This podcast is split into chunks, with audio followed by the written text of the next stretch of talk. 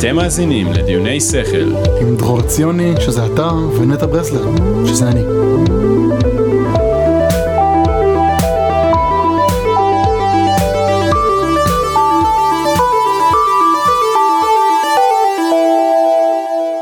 פרק חדש, פרק חדש. אני על הגריל ואתה מחומש, ברנש, אתה ברנש. על אה, בגד הדש, יאללה. אוקיי, איזה מוזר, אוקיי. אוקיי. אוקיי. אני רוצה לספר לך שני סיפורים. אהבתי את השתיקה המביכה הזאת בסוף האינטראקציה הזאת. אוקיי, בוא- בוא נמשיך הלאה. כן, זה אביך את שנינו. כן. יפה. זה לא הראשון מהסיפורים, כן, תן לי שני סיפורים. הסיפור הראשון זה The Mechanical Turk. אוקיי. הטורק זה כאילו, הוא היה איזושהי דמות של טורקי כזה, ומקניקל זה, זה על שם ה... היה בתקופה הזאת מה שנקרא אוטומטן, אי שם ב-1800 ו... הם, הם היו בונים מכונות, זה היה פלא, הנדסי. היו בונים מכונות שנראות כמו אנשים ועובדות כאילו הם אנשים. אוקיי. כבר אז היה להם את הקונספט שהם אמרו, אה אוקיי, אם מכונה יכולה לעשות פעולה, אז יום יבוא והמכונות יחליפו אותנו. כן. מגניב. זה- היה בראש של באיזה כולם. שנה זה היה שהם אמרו את זה? 1800 וקצת. חריף. כן, אז בנו את ה... מישהו בנה, יש להגיד קוסם. הפרק הזה ייגע קצת בקסמים. קוסם. בנה את המקניקל טורק, שהוא בעצם אה, מכונה גדולה עם אוקיי. שולחן, אה, של מכונה שנראית כמו בן אדם, כאילו זה מין דמות. רו- רובוט? רו- כן, רובוט, כן, זה פשוט, אני לא יודע אם הם קראו לזה רובוט, כי זה היה עשוי מעץ וגלגלי שיניים, אבל סבבה, רובוט, זורם איתך, והוא יודע לשחק שח, ממש טוב, מה אתה מבלבל? ממש טוב. אשכרה. זאת אומרת, הוא היה מנצח אנשים בשח. עכשיו, אנשים, אתה יודע, עשו ממש הדגמות סביב הדבר הזה. אחד מהסלבריטי, כאילו, קהל הכי מסולברט, אני לא יודע איך לומר את זה, כאילו, היו המון סלבריטיז שהם קוסמים בתקופה ההיא. אוקיי. אה, וואי, מעניין. קוסמים היו ממש ב forefront, בחזית הסלבריטאות, ושאלה מעניין למה. כאילו למה, כאילו למה... יפה, סלבריט- אני לא יודע, אבל. בגלל שהקוסם בנה את הדבר הזה, אז כדי להוכיח לכולם שזה אמיתי, הוא היה פותח כאילו את הבפנוכו של המכונה, להראות להם את הגלגלים. וואו, איך זה נראה? אני חייב להסתכל. אתה חייב לראות, תכתוב The Mechanical Turk בגוגל. עכשיו אני אספר. לכם שמלא אנשים ניסו לפצח איך זה עובד, ולמרות שהוא פתח והראה את הבפנים וזה, אף אחד לא האמין לו שזה אמיתי. אוקיי. אבל אם תיכנסו לוויקיפדיה ותקראו, אתם תגלו שמה שהוא עשה זה רמאות. רגע, אני אתאר, אני חייב לתאר מה שקורה פה למי שלא גיגל את זה. זה ממש בובה, זה שולחן שח, שולחן גדול שיש עליו לוח שחמט עם בובה של בחור שהוא נראה בכלל הודי, כן? אבל, אבל וואו, זה, זה אדיר. זה, קודם כל זה היה יפהפה, והרישומים כן, זה של ממש זה כאילו- ממש יפים. אני אגלה לך איך הוא עשה את זה. אוקיי, דבר אליי. מה שיודעים להגיד בוודאות. ואת זה מייחסים את האמירה הוודאית לרובר רודן, שהוא כזה אבי, אבי הקסמים המודרניים, אמ, שהיה שען בהתחלה, אז הוא הבין במכונות, והוא כן. חשף שבתוך המכונה הזו היה בן אדם. בבפנוכו, של השולחן בפנוכו של הגדול המכונה, הזה. הוא החביא בן אדם, אשכרה. וכשהוא הראה לכולם את הבפנוכו, הוא עשה את זה בצורה של אשליה. הוא בעצם הצליח להסתיר את הבן אדם כן. דרך קסם כלשהו, מטורף. והבן אדם הפעיל את המכונה הזאת. עכשיו, היא הייתה מאוד חכמה, כלומר, היא הייתה מצליחה לשחק מול שחקנים מאוד מוכשרים, כששחקנים היו מנסים לבדוק את המכונה ולעשות מהלך לא חוקי, אז הרובוט הזה במרכאות היה כאילו הופך את הלוח, כאילו היה מעיף את כל ה- את כל החיילים ואת כל הכלים. גדול. כן. הוא תמיד ניצח? אני לא יודע אם הוא תמיד ניצח, אבל הוא היה מאוד מאוד מאוד היה מוכשר. ממש טוב. עכשיו, ביחס לאז, זה היה פלא זה- זה מטורף. מטורף. מטורף. זה סיפור מספר אחד. סיפור מספר, מספר שתיים, אולי אתה תכף תבין את המחנה המשותף בין הסיפורים האלה. אוקיי. גם הוא על קוסם. הוא על ז'ורג' מליאס, ז'ורג', לא ג'ורג'. לא ג'ורג', ז'ורג'. ז'ורג'. כן. צרפתי? אה, אני לא בטוח. אתה יודע שהאוטו שלי באוסטרליה, היה לי ג'יפ שקראנו לו ז'ורג', ז'ורג'. ולא ג'ורג'. יפה. הוא היה ז'ורג'. אז... זאת אומרת, אה, זה זין צ'ופצ'יק. זין צ'ופצ'יק. כן. ואדון מליה, אני אפילו לא יודע אם זה מלייס או מליה, כשאני חקרתי עליו ושמעתי אנשים ביוטיוב אומרים את השם שלו באנגלית, הם כן אמרו את ה-S. Mm. אז אני, זה נורא בלבל אותי. אני דמיינתי שני- שהיא שקטה. מצד שני הוא צרפתי, אז הגיוני מיליה. שתהיה... כן, מיליה אני- נשמע הרבה יותר צרפתי נכון. ממילייס. אבל לך תדע, אולי זה פשוט אמריקאים ש... יש לא- מצב. אני לא יודע אם זה מליה או מלייס. כן. אבל הוא היה די אה, אבי ה-VFX. אוקיי. פחות או יותר. אה, הוא עשה אפקטים בצילום, הוא היה גם באזור הפעם, פעם, מאוד מאוד פעם, והוא חקר את כל התחום של המצלמות, הוא היה קוסם, והוא כאילו ניסה להבין, לדחוף את הגבולות של הז'אנר, ניסה לחקור כאילו מה אפשר לעשות עם הקונספט הזה של מצלמה שמקליטה סאונד, אה, סליחה, מקליטה סאונד ווידאו, כן. זמנית. ביחד. ו... והוא פתאום נגיד, הוא מספרים שהוא עמד מול האייפל והקליט, והיה לו פתאום איזה בעיה טכנית, אוקיי. אז הוא הפסיק הרגע להקליט והמשיך מאותה נקודה, והוא פתאום קלט שהתקלה יצרה פילם אחד, שזה נראה שאנשים באמצע מתחלפים, כי זה אותו מבנה ברקע, הוא עמד כן. באותו מקום, אבל בגלל כן, שעבר השוט זמן, היה סטטי. השוט היה סטטי, אז האנשים נראו כאילו הם התחלפו, וזה היה נראה לו מאוד קסום. מגניב. אז הוא לקח את זה, הוא התחיל להעלים לעצמו את הראש ולהכפיל את עצמו, והוא ניסה דברים כמו להסתיר חצי מהעדשה עם משהו שחור, ובעצם לחסום אור מלהיכנס לפילם, ואז לצלם מחדש על אותו פילם ולהסתיר את החצי השני. ואז הוא דיבר עם עצמו בלי לערוך. מטורף. הוא לא ערך בשום וואו. צורה את הפילם. אשכרה. והוא יצר את אבל- ה-in camera VFX, את האפקטים שאתה עושה בתוך הפילם עצמו, רגע, רגע, הוא לא חתך? הוא לא צריך הוא לחתוך. לא חתך ושם פילם על פילם? לא, כי הוא שם חצי, הוא כיסה את העדשה, חצי מהעדשה הוא כיסה, הקליט על הפילם, ואז הקליט מחדש על הפילם, על אבל השני. החצי השני. איזה מלך. כן, כן, ממש, ממש. והוא עשה גדול. מלא דברים. עכשיו, הוא בעצם, אה, גם הוא וגם אה, האדון שבנה את המקניקל טורק, שניהם קידמו תחום טכנולוגי תרבותי ממש קדימה. זאת אומרת, השתמשו ב, ביכולת שלהם כקוסמים כדי לקדם תחום כלשהו, לאו דווקא בקטע הטכנולוגי, כמו כן. בעניין הציבורי סביב התחום. ברעיון. הראו מה מסוגל התחום להיות. כאילו, הם הראו לציבור, הדבר הזה יכול להיות כך וכך. זאת אומרת, כן. תחשוב, רק בתחילת המצאת המצלמה, אנשים כבר דחפו את הגבול וכאילו אמרו, אוקיי, אני אעשה קסמים עם זה. או במהפכה, מהפכת התעשייתית, כן. אנשים אמרו, אוקיי, אז אני אבנה רובוט שמשחק שח. זה כזה... זה כאילו גורם לי להרגיש שתרבות האינטרנט, הטרולינג, כאילו כבר היה אז, אתה מבין? זה כאילו בטבע האדם להיות לגמרי. טרול ולבנות מכונת שחמט כזאת. לחלוטין. זה גדול. ואני שואל את עצמי, קודם כל, מה מערכת היחסים בין קסמים וטכנולוגיה? כי עד לפני 20-30 שנה, זה היה big no no? לא, דווקא לא, דווקא קסמים היו בחזית הטכנולוגיה. זאת אומרת, קוסמים היו אה, מאמצים טכנולוגיות הרבה לפני שהם הגיעו לציבור הרחב. וואלה. כן, כן. רק ב-20 שנה האחרונות טכנולוגיה נהייתה כזה big thing, כאילו נהייתה ממש, היה ממש הייפ סביב כל החידושים הטכנולוגיים, כן. וזה נהיה מספיק מעניין גם לציבור הרחב, אבל פעם קוסמים, הרי כל דבר שהציבור לא יודע, ואתה כן יודע, יכול לבוא לטובתך בתור קוסם. נכון. אז קוסמים היו ממש מחפשים טכנולוגיות חדשות וכאילו יוצאים אחרי, גם אני במופע שלי מנסה לשלב טכנולוגיה של EEG, של סריקות? סריקות מוח, אלקטרואנספלוגרם. יש לי סורק מוח אמיתי שהזמנתי, שאני עושה איתו קטע במופע. אתה סורק לאנשים את המוח? כן, אני? קורא להם את המחשבות דרך, אפילו גם אני קורא להם את המחשבות וגם מישהו אחר מהקהל. אני בעצם אה, קצת, אה, אני לא רוצה להרוס לאנשים כן, פה את אתה הזה. חושף פה הרבה. כן, אבל בוא נגיד ש, שאני דוחף את הגבול של מה אנשים חושבים שאפשרי עם סורק מוח. מהמם.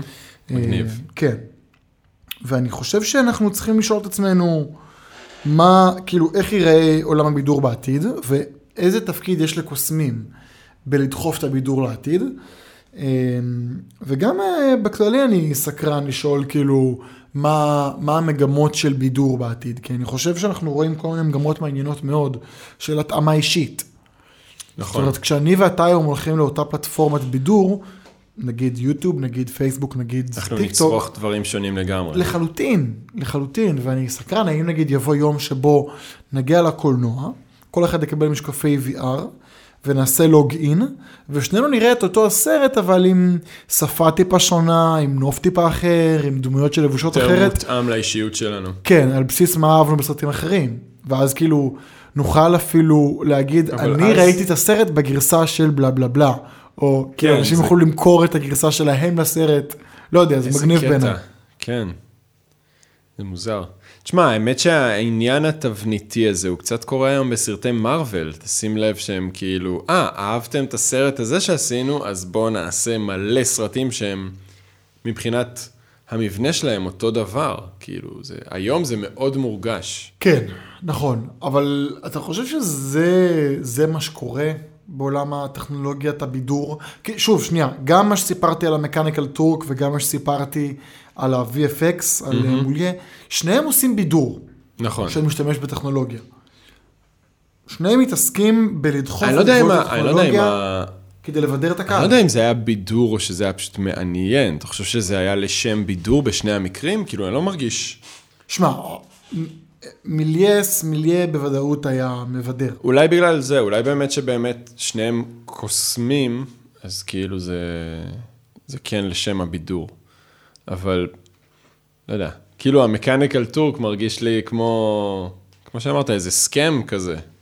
כן, זה היה... אה, לא סיפרתי את הדבר הכי מעניין על ה mechanical turk. אוקיי, ספר. שמועות אומרות שזה היה פועל פולני קטוע רגליים מהמלחמה. וואו. ובגלל זה הוא הצליח להיכנס לתוך המכונה. זהו, איך הוא יודע בעצם להפעיל את המהלכים? כאילו, אני לא סגור על איך זה עובד טכנית. אני מניח שהיה לו איזושהי אינדיקציה להבין מה היריב עושה, או לא יודע. אבל uh, בעיניי עדיין צריך לשאול את עצמנו, תשמע, נגיד זאק קינג. אתה מכיר את זה? זהו, רציתי להעלות אה, באמת הבן אדם הזה, הוא, כי הוא באמת, הוא גם קוסם והוא גם VFX artist. נכון. אך- אגב, מי, ש... מי שלא יודע, כשאנחנו אומרים VFX, אנחנו מתכוונים ל virtual... visual, נכון. effects. visual effects בעצם, אפקטים ויזואליים של CGI וכל הדברים האלה. כן, שאנחנו מצלמים משהו, עורכים אותו, עושים קסמים בעריכה, כן. ומשדרים משהו אחר לחלוטין. וזאק קינג, הוא באמת אה, הדוגמה הכי בולטת היום. אני חושב שזאק קינג כן. הוא אחד המשתמשים, אני לא יודע אם הוא עדיין, אבל הוא ב top 10 הכי מובילים בטיק טוק ובאינסטגרם, והוא כאילו יוצר אני תוכן שאנשים... בטוח. עפים תשמע. זה- כי זה מטורף, כי אתה אומר לעצמך, איך, איך זה רגע אחד... זה, זה בדיוק הקטע הזה של, אתה יודע, אה, אני לא יודע, איך רגע אחד זה, זה שוט שאתה אתה רואה בעיניים שלך, לא משנה שזה כאילו, אתה מבין שיש פה מניפולציה של עריכת וידאו ו-CGI ו-Visual Effects, אבל כאילו, זה ממש, הוא באינטראקציה עם הדבר הזה, עם האפקט שלפני רגע היה דומם ועכשיו הוא חי, או ההפך, שלפני רגע הוא היה חי ועכשיו הוא דומם, וזה כאילו, אתה אומר לעצמך, איך יכול להיות? כאילו, זה באותו, באותו שוט, כאילו, זה מטורף. כן. אני מת על הדברים שהוא עושה, אני ממש עף עליו. כן, הוא מוצלח מאוד, והוא גם הגיע לרמה, אתה יודע, באמת מטורפת בעיניי. כן. והוא גם הגיע מקסמים. כן, כן, הוא, הוא קוסם. הוא- הוא... כן, הוא, הוא, הוא לא ממש פר סי קוסם, זה היה הבנתי תחביב שלו, הוא לא קוסם, הוא לא, הוא לא מופיע עם קסמים קסמים. כן, אוקיי. למה? אבל קוסם חייב להופיע? וואי, שאלה יפה. אמ, תשמע, אני אגיד לך ככה, אולי הוא כן קוסם. אולי אני חוזר ב- בעצמי. כן, אתה מבין? כאילו, הוא לא, הוא לא מופיע, אני יודע שהוא לא יכול לעשות את מה שהוא עושה לייב, אבל אולי כן. זה לא משנה. כאילו, כן, אולי זה להיות- לא משנה, הרבה מוזיקאים לא יכולים לעשות את מה שהם עושים בלייב, אתה מבין? אבל הם עדיין מוזיקאים, כאילו... נראה לי שהוא לא קוסם, כי אנשים מבינים איך הוא עושה את זה. כן, אנשים מבינים איך הוא עושה את זה. הוא בדרן, הוא לא קוסם. כאילו, אנשים מבינים שזה עריכה. כולם מבינים שזה עריכה. נכון. הוא גם לא אומר אחרת. כן. בקסמים יש לך את הסימן שאלה. Hmm, אני מבין מה אתה אומר. נראה לי שזה... כאילו בקסמים, באיזשהו מקום אתה עדיין שובר איזושהי הנחת יסוד של בן אדם. כן. ופה אתה לא שובר הנחת יסוד באמת. כן, האמת שהכוח גם במופע קסמים של משהו שקורה מול העיניים שלך, לעומת משהו שקורה אה, מול המסך, כאילו שהעיניים שלך מול המסך זה אחרת לגמרי. כאילו שאתה פאקינג, לא מצמצתי ו- והדבר כן. הזה השתנה או לא השתנה, כאילו זה, זה, זה מה שמטורף, קסם באמת שקורה מול העיניים שלך. נכון, ואני חושב ש... זה בדיוק גם ה-suspension of disbelief שמדברים עליו, זה בדיוק השעיית אי האמונה. כן. שאנחנו מסוגלים להגיד לעצמנו כקהל, לכמה שניות אנחנו באמת מסוגלים להאמין בקסם. זה מטורף כן, בעיניי. כן. אנחנו באמת מאמינים שקרה פה משהו קסום. כן, ובמקרה של זה קינג, כמה שהוא מוכשר, זה עדיין, זה לא עובר. אתה מבין שזה, אוקיי, זה עריכה כלשהי. כן. אמנם אני לא מבין פרקטית איך זה קרה, אבל אני מבין את העיקרון. נכון. עדיין יש פליאה אצלו, אבל. לא, חד משמעית. פשוט ה-suspension of disbelief הזה, ה- הרגע הזה שבו אתה מאמין שזה אולי אמיתי, הוא קצר הוא, יותר. הוא, הוא קצר ברמת החצי שנייה, פחות. מהמם. כאילו כזה, מה, אה, אוקיי. אה, הוא ערך. כאילו, כן. המוח שלך רגע לא מבין, ואז מיד מבין. אה, כן. אז, אה, אז בואו נפליג רגע במשחק הדמיון הזה, אוקיי. של אם אנחנו קוסמים. ואנחנו דוחפים את גבול הטכנולוגיה כדי ליצור בידור. מעניין יותר, אינטראקטיבי יותר. חדשני יותר. איזה תחום היית מחדש בו? איזה תחום לא חידשו בו מספיק זמן? כאילו, אתה מבין מה התכוונתי? אה, קולנוע, נראה לי. כאילו, פיזי. כן, הקטע של... לא, גם קולנוע שאתה צורך בבית, א', נראה לי קולנוע, כאילו אנחנו צורכים אותו יותר בבית מאשר בקולנוע, כי לא מחדשים אותו, ואז זה אוטומטית קצת, אני לא רוצה להגיד מוזיל, אבל כאילו משנה אותו בעצם, וזה קצת נהיה כזה, כמו שמוזיקה פעם לא יכולת לצרוך אותה בבית, והיא נהייתה יותר ויותר נגישה. זה גם טרנדים טכנולוגיים, אני חושב. שהופכים המון דברים ליותר ויותר נגישים. אני חושב שהעולם הזה הופך להיות יותר ויותר אינטראקטיבי. זאת אומרת, קולנוע הופך להיות יותר ויותר מבוסס אינטראקציה עם הקהל. כן. נכון, אבל בעצם... ובמובן הזה, אני חושב שיש לי איזה רעיון מגניב. אז באיזה שלב זה נהפך למשחק מחשב? אני חושב שבעתיד לא יהיה הרבה גבול בין משחק מחשב לבין קולנוע לגמרי. כן. כאילו, יכול יהיה, מאוד להיות. יהיה גם וגם, אבל כן יהיה אני חושב ש- ז'אנר כזה של מש, משחקי מחשב, שהם לגמרי סרט, כן. שאתה...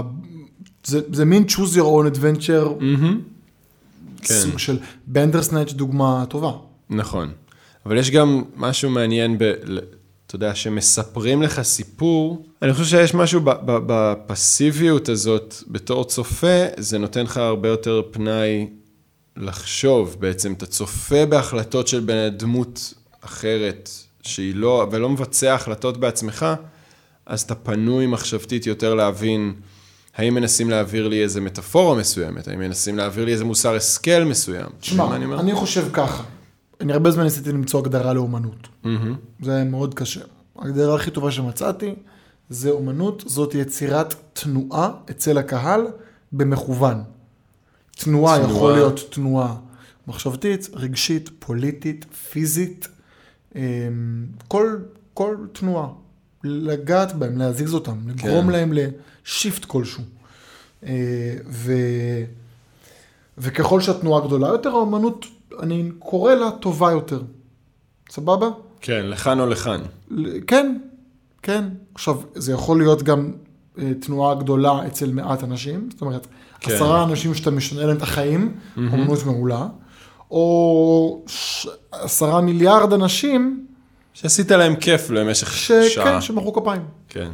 אז אה, נראה לי שבמובן הזה זה כאילו מכפלה של כמות ואיכות. מהמם. אז, אז זו הגדרה שלי לאומנות, ולכן ככל שאומנות נהיית יותר ויותר אינטראקטיבית, כן. אז היא מפעילה אותך יותר, היא מניעה אותך יותר, אתה יותר involved בזה, ולכן זה יותר טוב, יותר איכותי.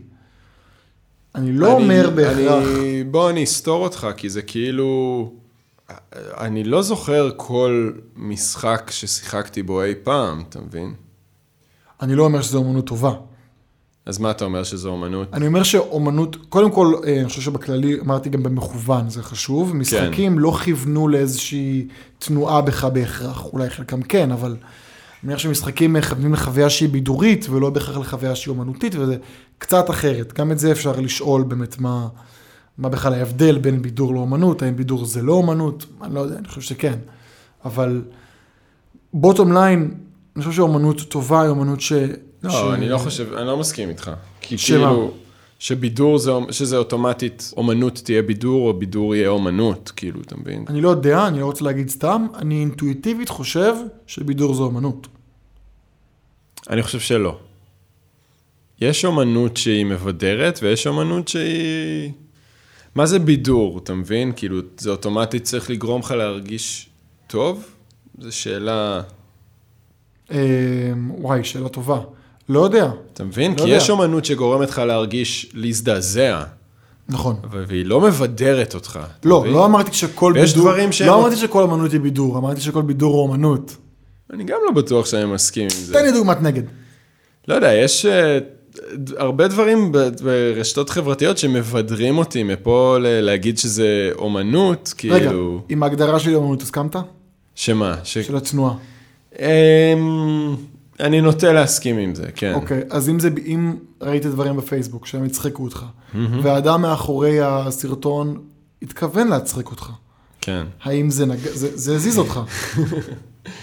אה, כן, זה הזיז אותי. האם זו לא אומנות?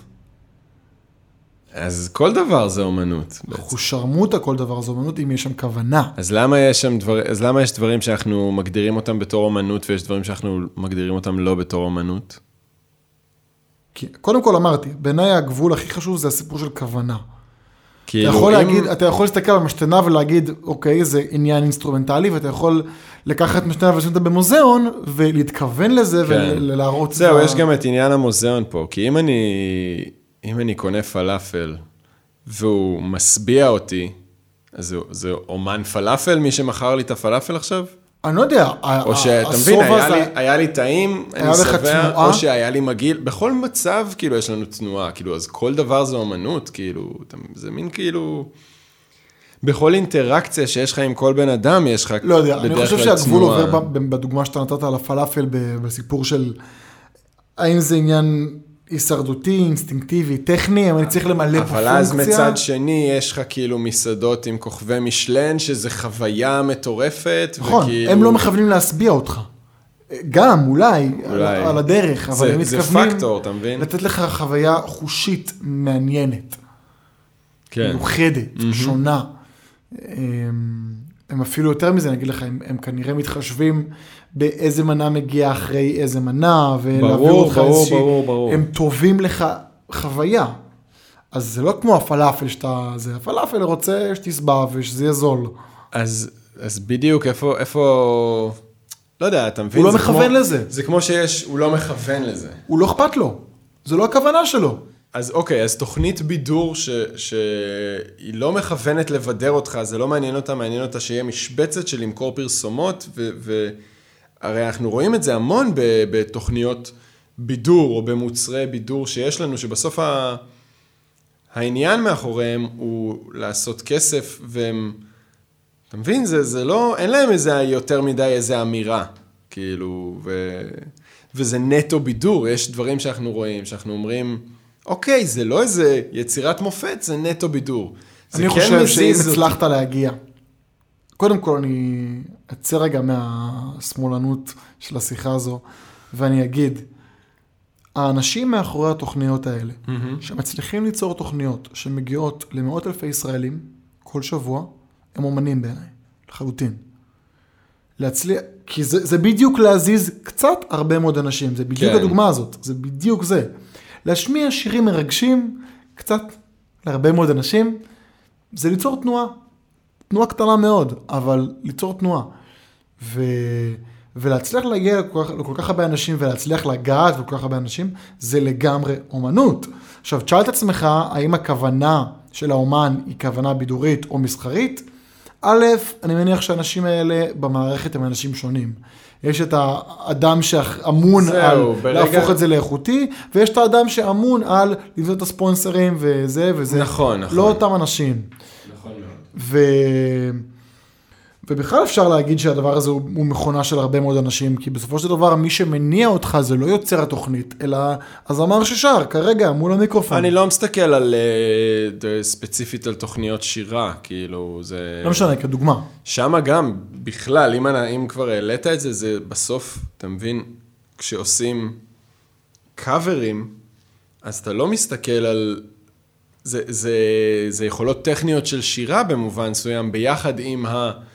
אה, איך שהבן אדם לבוש, איך מה שהוא מדבר, איך שהוא, אתה יודע, האנרגיה שהוא משדר, זה, זה כאילו... כן? כן, אבל, זה, אבל, זה בידור, אבל זה גם אומנות אבל, קאבר. אבל גם כל, נכון, נכון, זה גם אומנות, ברור, אבל כאילו, האומנות הביצוע, במובן מסוים. ו... לא רק, ממש לא רק.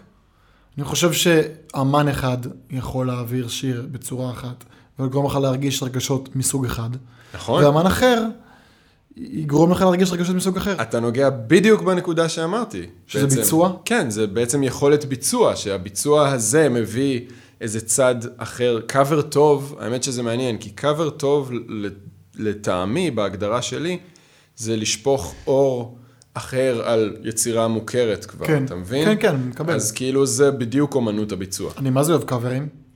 אני ממש אוהב קאברים. אני מצד אחד, בדיוק, זה בדיוק הקטע, כשזה טוב אני ממש אוהב, וכשזה גרוע אני ממש שונא.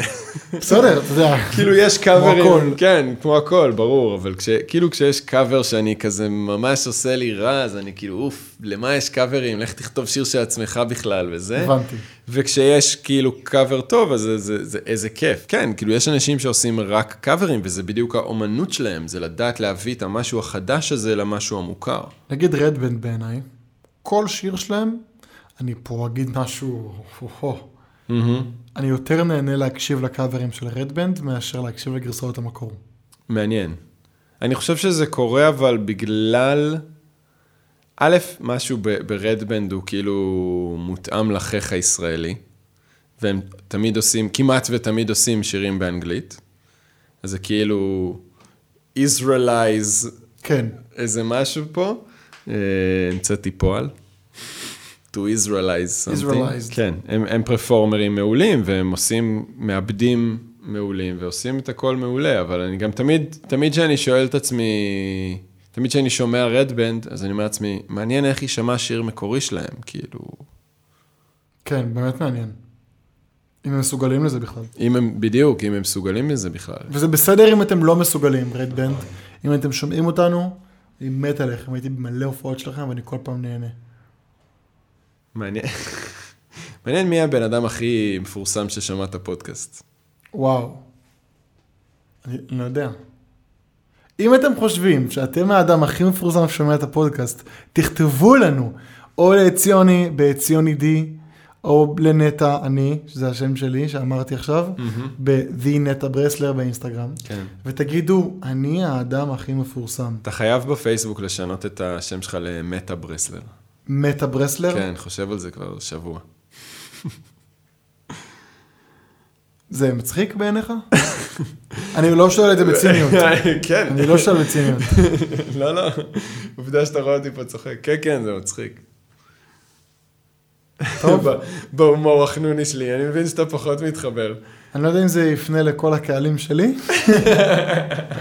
אבל אה, יכול להיות. כן.